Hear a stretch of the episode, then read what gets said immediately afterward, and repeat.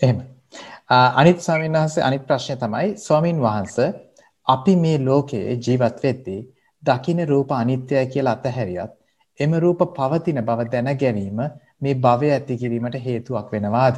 උදාහරණයක් විදියට වාහනයක් දැක්කොත් එය වාහනයක් බව දැන ගැනීමම භවයක් සකස් කරගන්න හේතු වෙනවාද? බොහොම පිං.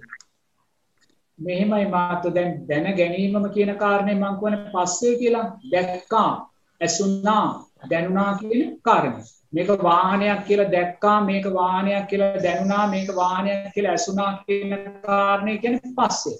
ඒ පස්සේ හැම වෙලාවම මහත්යෝ මං කිව්වා රහතන් වහන්සේ තුලත් පස්සේ තියෙනවා. නමුත් මේක සංස්කාරයක් බවට පත් වෙන්නේ මේක භවයට අපි වරන් යන්නේ මේ දැක්ක දේ ඇසුන දේ දැනුණ දේ අපි තෘෂ්ණාවෙන් පෙත් කිරීමෙන් පමණයි.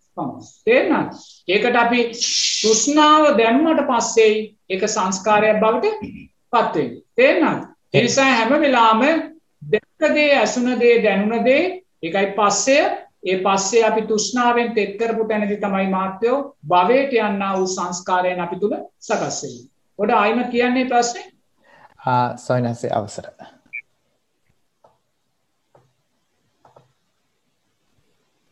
ස්වාමීන් වහන්සේ මේ ලෝකේ ජීවත් වෙද්දී දකින්න රූප අනිත්‍යයි කියලා අතහැරියත් එම රූප පවතින බව දැන ගැනීම මේ භවය ඇති කිරීමට හේතුවක් වෙනවාද? උදාහරණයක් විදියට වාහනයක් දැක්කොත් හරි ඈ දැන් මෙතන මාත්‍යෝ දැන් අපි ඇත්ත වශයෙන්ම මේ සංසාර බය දැකලා මේ සංසාර ගැඹුර දැකලා මේ සංසාර දුර දැකලා අපි මේ භව ගමනෙන් එතර වෙන්න යන්නේ මාත්‍යෝ තේරෙනවද? ඒතකොට මේ භව ගමනෙන් අපි එතර වෙන්න යන්නේ අපේ මාර්ගය වියුත්තේ බුදුරජාණන් වහන්සේ කිව්ව දේ විතරයි මාත්‍යෝ. ඒක හොඳට තේරුම් ගන්න. හොඳේ අපි අපි විතර්කයන් නැති කරගෙන අපේ හිත පස්සේ අපි දිව්වොත් ඒ අපි දුවන්නේ දුක පස්සේ. මොකද පංච උපාදානස්කන්ධේ සාරා සංක කල්ප ලක්ෂ සියක් කෝටි ප්‍රකෝටි පානක් අපි තුල සකස් වුණා වූ සිතුවිලි පස්සේ දුවගෙන ආපු ගමනක් තමයි අපි මේ යන්නේ. මේ මොහොතේ මේ සකස් වෙන සිත පස්සේ අපි තවත් කල්ප ගානක් ඈතට දුවනවා. ඒ නිසා මහත්වෝ බුදුරජාණන් වහන්සේ දේශනා කළා වූ ධර්මයට අදාළව අපිට මේ බව ගමන නිමා කරගන්න අවශ්‍ය නම් බුදුරජාණන් වහන්සේ කිව්ව දේ පමණයි අපි හිතන්නේ. ඊට වඩා දෙයක් හිතන්න යන්න එපා. ඊට වඩා දෙයක් හිතුවොත් අපි නිරේතුරුවම මාර්ගයෙන් බැහැරට යන්න. එසා බුදුරජාණන් වහන්සේ කුමක්ද මාත්‍යව අපිට කියලා තියන්නේ සතර සටිපට්ඨාන ධර්මයන්දී රූපයක් දැක්කොත් නිරේතුරුව මේ රූපය සතර මහා ධාතුවක් හැටියට කායන් පස්සනාවෙන් දකින්න.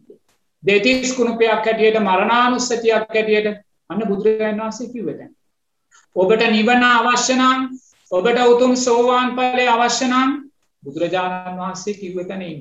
විතර්ක ඇති කරගන්න යන්න එපා. රූපය දැක්කා රූපය ඕවා ඇති කරගන්න මොහොතක් පාසා අපි රූපය නිසා භවයේ අන්න රූපයට කරන්න ඕනේ දේ. අධ්‍යාත්මික රූපයයි බාහිර රූපයටයි. මොකද්ද කරන්න ඕනේ?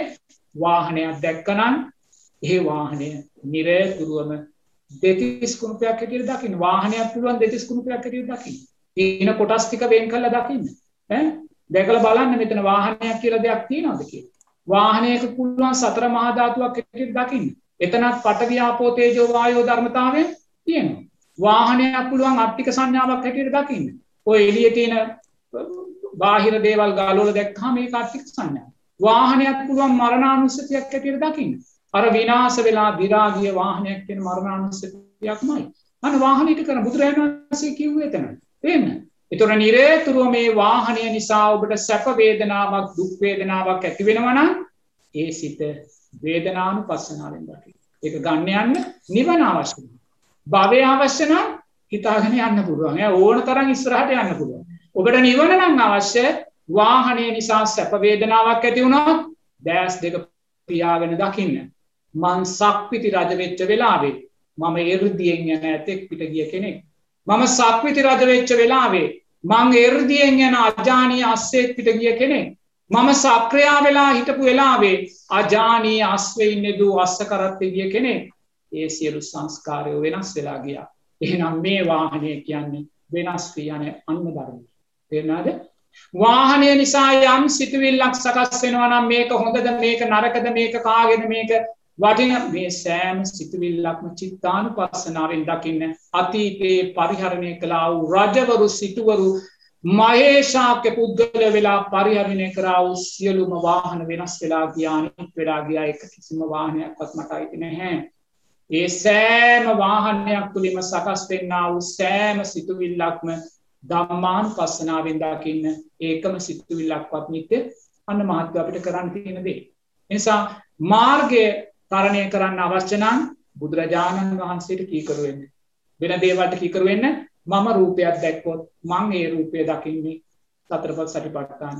ඉන් එහාට මං යන්නේ මට ඉන් එහාට යන්න අදාළ නැහැ.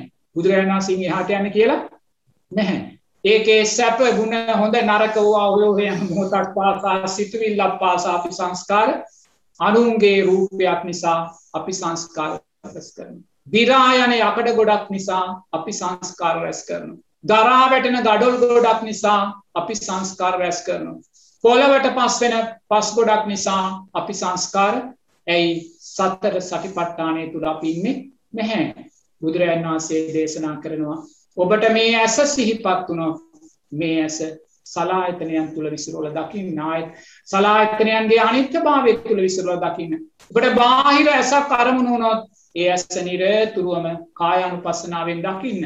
ඔබට බාහිර රූපයක් අරමුණුනත් ඒ රූපය නිරත් තුරුව කායාන් පස්නාවෙන් දකින්න. ඒ රූපය නිසා යම් සිතුමිල්ලක් සකස්වනොත් ඒ සිත චිත්තානු පස්සනාවෙන් දකින්න. ඒ රූපය නිසා යම් සැපදුක් වේදනාවක් සකස් වනොත් ඒ විඳීම වේදනානු පස්සනාවෙන් දකින්න. මේ සෑම ධර්මතාවයක්ම අනිත්‍යය කළ දකින්න.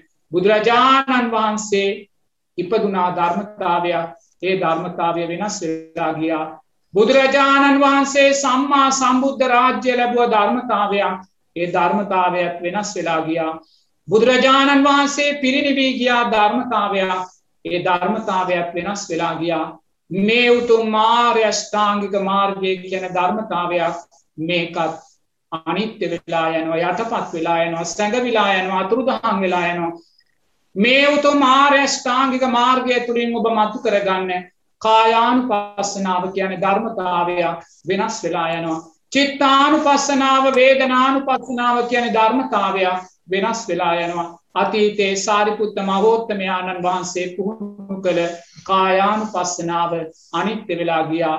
වේදනානු පස්සනාව අනිත්‍ය වෙලා ගියා චිත්තානු පස්සනාව අනිත් වෙලා ගියා මේ සියලු ධර්මතාවයෝ අනිත්‍යනම් ගෙදර ගැන වාහන ගැන වතුපිටි ගැන දවා දරුවෝ ගැන හිතන්න කියලා නෙවේ බුදුරජාණන් වහන්සේ දේශනා කරන්නේ ඒ හිත චිත්තාන් පස්සනාවෙන් දකින්න කියලා.